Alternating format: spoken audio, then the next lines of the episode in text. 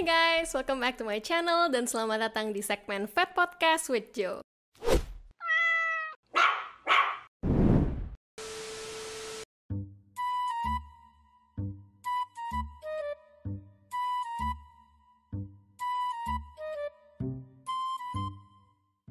Oke, sesuai judulnya, ini merupakan episode pertama dari seri Fat Career Talk, di mana aku bakalan undang dokter hewan-dokter hewan dari berbagai bidang profesi yang berbeda, untuk ya sharing-sharing lah ya. Biasanya kan kita kalau mahasiswa nih, uh, masih nggak tahu mau jadi apa gitu. Nah, di sini harapannya dengan dokter hewan-dokter hewan ini sharing gitu, membagikan pengalaman mereka, bisa membantu kita sebagai mahasiswa kedokteran hewan tuh jadi lebih yakin dan lebih tahu kita nanti mau berkarir di bidang apa gitu. Nah, jadi tamu pertama kita hari ini adalah dokter praktisi yaitu dokter Stefan. Terima kasih banyak dok sebelumnya udah mau datang. Terima kasih Yohan untuk invitationnya untuk sharing. Oke, mungkin dokter boleh kenalan dulu kali ya. Oke, saya dengan dokter Stephen dari Sunset Vet Bali. Di sini saya akan sharingkan kira-kira pasti teman-teman penasaran apa aja sih yang kira-kira benar nggak sih passion kita di sini seperti yang akan kita bicarakan nih yang akan dikupas oleh Joan nih. Dokter sendiri uh, bekerja sebagai dokter hewan praktisi mulai dari tahun berapa dok? Uh, saya praktek dari tahun 2014 dan saya ngambil untuk fokusnya lebih ke clinical pathology. Jadi di mana yang berhubungan dengan sel, yang berhubungan dengan pertumoran atau perkankeran dan juga saya ngambil fokus di bidang akupuntur dan rehabilitasi juga. Hmm, menarik banget ya. Seru dong dok ketemu banyak bule. Lebih tepatnya mayoritasnya memang betul semuanya adalah orang luar sih. Hmm. Nah, dokter sendiri kenapa uh, mau jadi dokter hewan praktisi? Apakah emang cita-cita dokter atau gimana? Sebenarnya sih dulu sempat di awal tuh sempat bingung ya. Apalagi kan ketika kita udah mau lulus terus kita mikir kayak yang mana nih yang harus kita ambil. Either itu praktisi, hewan besar, ternak, unggas, ataupun mau jadi dinas nih. Kan kadang kan kita bingung tuh seperti itu. Cuma semakin lama ketika ketika saya mau lulus, saya mikir kok kayaknya peluang di dokter hewan praktisi ini lebih besar. Dan juga passion saya kok kayaknya lebih condong ke arah praktisi. Seneng sih di ternak besar, cuma dalam artian di sini saya terkendala bahasa sih jujur. Kalau untuk IB saya terkendala bahasa yang mana apalagi saya kan aslinya Jawa tuh.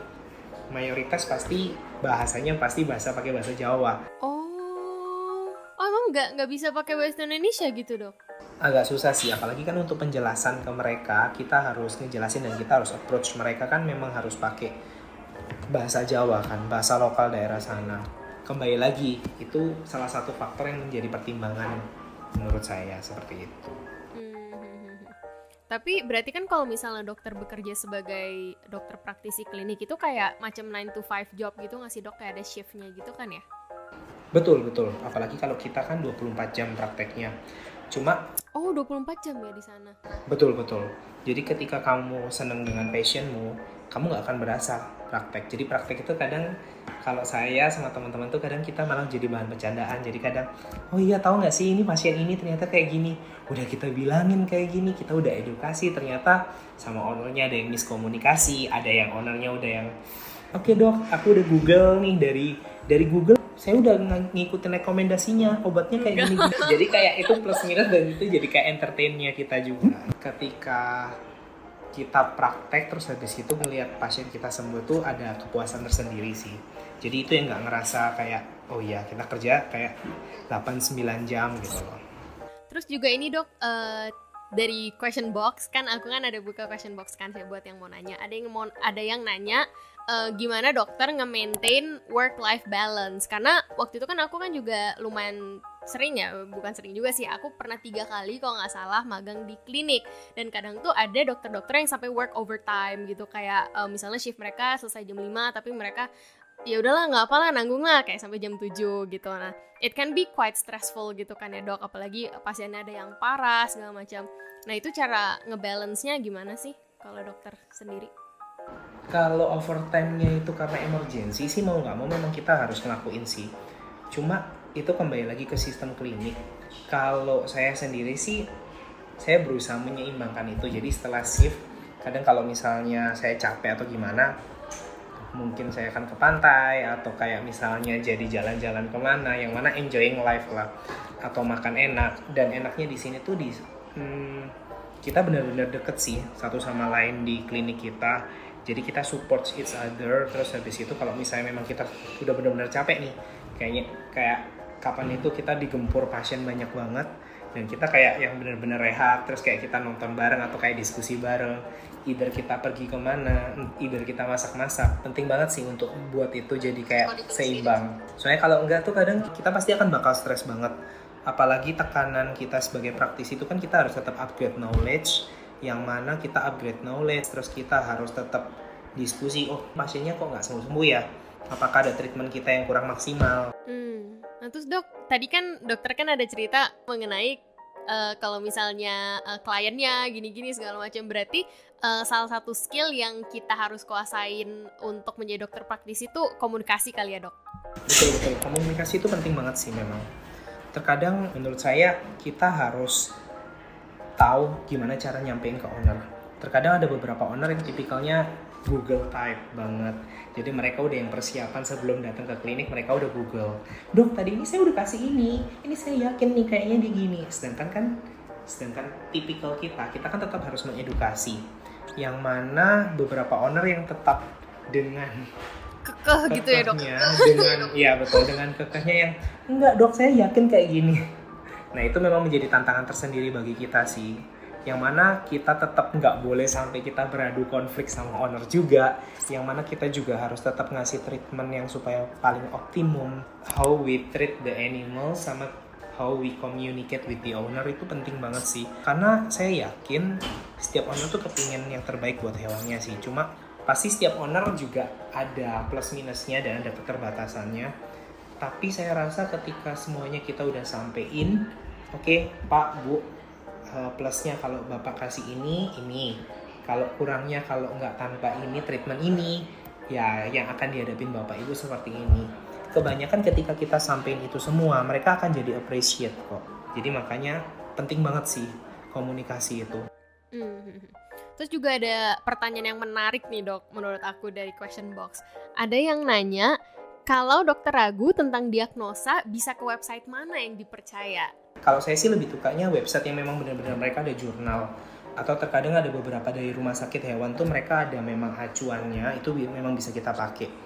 Saya sendiri sih biasanya akan menggunakan website yang benar-benar kredibilitasnya bisa dibilang tinggi karena kita tahu sendiri kalau di website itu kan semuanya bisa nulis tuh bahkan yang nggak dokter hewan pun bisa nulis oh dosisnya yeah. ini iya. biasanya kita ngasih berapa kita harus tahu banget tuh kira-kira hmm, oke okay, kayaknya kok ini yang nulis bukan dari tim pihak medis kayak gitu aja sih oke okay. dok boleh dong sharing suka dukanya jadi dokter hewan praktisi apa sih soalnya kan aku kan uh, juga passion aku tuh di hewan kecil dok dan kemungkinan aku pengen jadi dokter hewan praktisi ke depannya. Dan kalau aku pribadi nih sebagai mahasiswa, sebagai anak magang, itu yang paling aku rasain itu paling pegal berdiri. pegal berdiri sama kemarin kalau misalnya ada pasien yang meninggal tuh aku kayak sedih banget bener-bener yang kayak aduh nih kalau gue kerja jadi dokter hewan praktis ini gue bakal ngalamin nih salah satu pasien gue pasti akan meninggal gitu kan salah satunya kita bicara sukanya dulu ya kalau semakin lama kita praktek terus kita kayak ngeliat life cycle gitu loh dulu dia kecilnya pernah oh, sakit oh, ini iya. terus habis gitu dia survive terus nggak nyangka ya ternyata sekarang udah umur 7 tahun kayak gitu. Terus sukanya lagi ketika kita treat pasien kita kita jadi deket sama owner yang mana owner nganggap kita sebagai keluarga kita sendiri gitu loh. Yang mana dia juga care ke kita itu sisi plusnya sendiri. Plusnya lagi dokter hewan praktisi itu kita menguasai semua bidang tuh nggak bisa. Di situlah kita akan ketemu teman-teman yang lain yang punya interest ke mata ada yang interest ke bedah di situlah kita benar-benar kayak oh ternyata seru nih jadi dokter hewan praktisi yang mana kita tetap harus upgrade knowledge harus tetap berusaha yang terbaik supaya kita bisa mengedukasi pasien kita klien kita itu dengan semaksimal mungkin. Dukanya itu uh, pasti ada apalagi kalau misalnya pas hewannya meninggal dan kita nggak tahu uh, penyebabnya itu apa. Terutama kan terkadang di Indonesia fasilitas masih belum maksimal dan kita juga spesialis masih belum yang optimal banget. Dukanya lagi jadi praktisi itu terkadang ada beberapa owner yang dia nggak aware dengan hewannya, tiba-tiba udah dibawa ke kita, udah kondisinya yang lemes banget tuh. Terus habis itu kita saranin tuh cek ini itu kan, ujung-ujungnya kita kepingin berusaha yang terbaik tapi dianya yang berpikiran negatif ke kita ah dokternya cari duit nih itu itu sedih banget sih cuma dalam artian semakin lama nanti kita praktek kita akan sering menghadapi kasus seperti itu. Cuma kembali lagi kita sebagai praktisi kita perlu meneguhkan diagnosa. Dan kita kan nggak bisa cuma dari oh ini kayaknya ginjal deh. Kan kita kan tetap harus berdasarkan pengecekan lab dan kawan-kawan itu yang perlu kita tetap sampaikan ke owner. Memang itu semua butuh biaya tapi kembali lagi daripada kita memberikan salah treatment yang mana mereka sama-sama bayar nih ujung-ujungnya kalau salah treatment berarti kan hewannya nggak bakal sembuh kayak gitu sih itu salah satu tantangan dan dukanya menjadi praktisi seperti itu. Iya, klien mah ini ya banyak banget macemnya ya dok pasti. Betul, kayak gitu sih. Tapi seru kok, seru jadi praktisi. Yang mana kamu akan ketemu orang baru dari berbagai sudut pandang, bahkan ada yang tipikalnya, dokter saya nggak mau pasien saya dikasihin antibiotik, saya maunya di treatment pakai virgin coconut oil kayak gitu. Jadi kemarin tuh ada yang ada yang anti vaksin gitu nggak dok? ya ada yang tipikal kayak gitu. Jadi ada yang tipikal homeopatik kayak gitu. Ada yang tipikal anjingnya uh, udah dehidrasi tapi dianya mau dikasih healing stone aja kayak gitu. Tapi di situlah itulah keunikan manusia. Dari situ kita kan kayak yang wow ternyata ada tuh orang-orang seperti ini gitu loh. Iya saya pun baru denger. Ada ada yang kayak gitu. Oh ya dok. Akhir-akhir ini uh, orang tuh lebih aware sama kalau dog klinik sama cat klinik baiknya dipisah gitu ya dok. Nah, kalau misalnya di sana di, udah dipisah belum? Kita sejauh ini masih belum. Cuma memang kita berusaha mulai membuat standar seperti itu sih. Ini aja kita masih berusaha banget. Habis ini sih kemungkinan kita akan ada CT scan sih di, di klinik kita. Ya, CT scan pertama di Indonesia. Iya, iya, iya, iya. Wah, gila keren banget. Mungkin terakhir, dokter ada nggak pesan-pesan buat teman-teman, teman-teman mahasiswa kedokteran hewan nih yang uh, mungkin kepengen untuk jadi praktisi, pesan-pesan, tips dan trik mungkin kita harus kuasain apa dari sekarang? Menurutku kalian perbanyak magang. Di situ kalian akan tahu oh passion kalian tuh di mana. Jadi dulu sebelum aku nentuin untuk jadi kayak praktisi juga, itu aku banyakin magang, entah itu ke unggas, ke ternak besar, ke praktisi kayak klinik. Dari situ kalian akan tahu, oh kayaknya passionku di situ aku dulu sebelum aku sarjana aku akan berusaha tahu di mana kira-kira chance kayak interestnya tuh di mana. Nanti pas koas kita baru perdalam itu, oh kayaknya aku mau terjun ke praktisi. Berarti nanti di departemen itu aku harus paling nggak aku harus benar-benar belajar supaya mempermudah di kemudian hari. Nggak masalah sih kalau misalnya kita pas koas kita pun juga masih bingung menentukan, nggak masalah.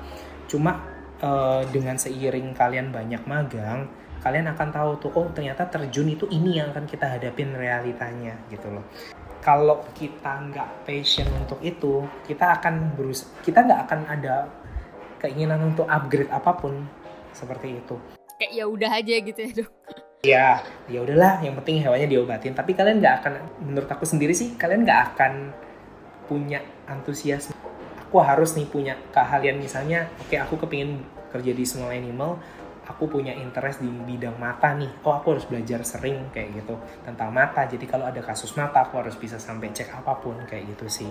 Nah itulah yang perlu kita pastiin ke diri kita. Kenapa? Karena sebagai dokter hewan praktisi kita itu nggak pernah berhenti belajar setiap hari itu kita pasti akan belajar belum lagi teknologi juga semakin maju ya betul yang mana kita tetap harus upgrade ilmu dulu sakit kulit cuma dikasih ivermectin, ivermectin, ivermectin. Sekarang obatnya udah banyak. Sekarang kita udah harus pinter-pinter milih kayak gitu loh. Ketika kita ada passion di situ, kita akan tetap mengembangkan diri kita. Seru kok. Kemarin juga ada kakak kelas yang dia tuh tadinya all about small animals, tapi sekalinya dia nyoba ke wildlife, tiba-tiba dia langsung pindah haluan gitu dok. Sedangkan uh, aku pribadi, aku tuh kayak udah tahu gitu loh kalau aku mau jadi praktisi hewan kecil, tapi karena hal itu aku belum pernah nyoba magang di tempat lain sumpah. Kayak aku selama ini cuma selalu magang di klinik. Cuman pernah di wildlife sekali tapi kayak ya udah gitu. Jadi kayak hmm, apakah aku harus mencoba yang lain? Gak apa-apa justru uh, dengan kita banyakin magang kita akan tahu tuh oh ternyata ini seru deh. Ketika kita mulai ada ketertarikan baru dari situ kita akan mulai mikir hmm kayaknya aku bisa deh kayak gitu. Hmm, benar. Oke, jadi intinya ya, dok, kalau misalnya kita masih bingung, masih bingung mau apa, bahkan kalau misalnya kalian pun uh, passionate dan kepengen jadi dokter hewan praktisi, nggak ada salahnya untuk nyoba magang di bidang-bidang lain gitu ya, dok. Karena kan it's just magang gitu, kayak kita explore. Kalau misalnya kalian emang sampai terakhir emang passionnya di dokter hewan praktisi, ya banyak banget kesempatan untuk jadi dokter hewan praktisi. Oke, mungkin segitu aja dokter. Ini cukup effort nih ya teman-teman nih gara-gara sinyalnya agak luar biasa gitu hari ini. Oke, sekali lagi thank you so much dokter. Thank you, Joan. Sukses. Dan ya, jadi cukup sekian untuk video kali ini. Thank you guys so much for watching. Don't forget to hit that like and subscribe if you want more content like this. And yeah, see you guys in my next one.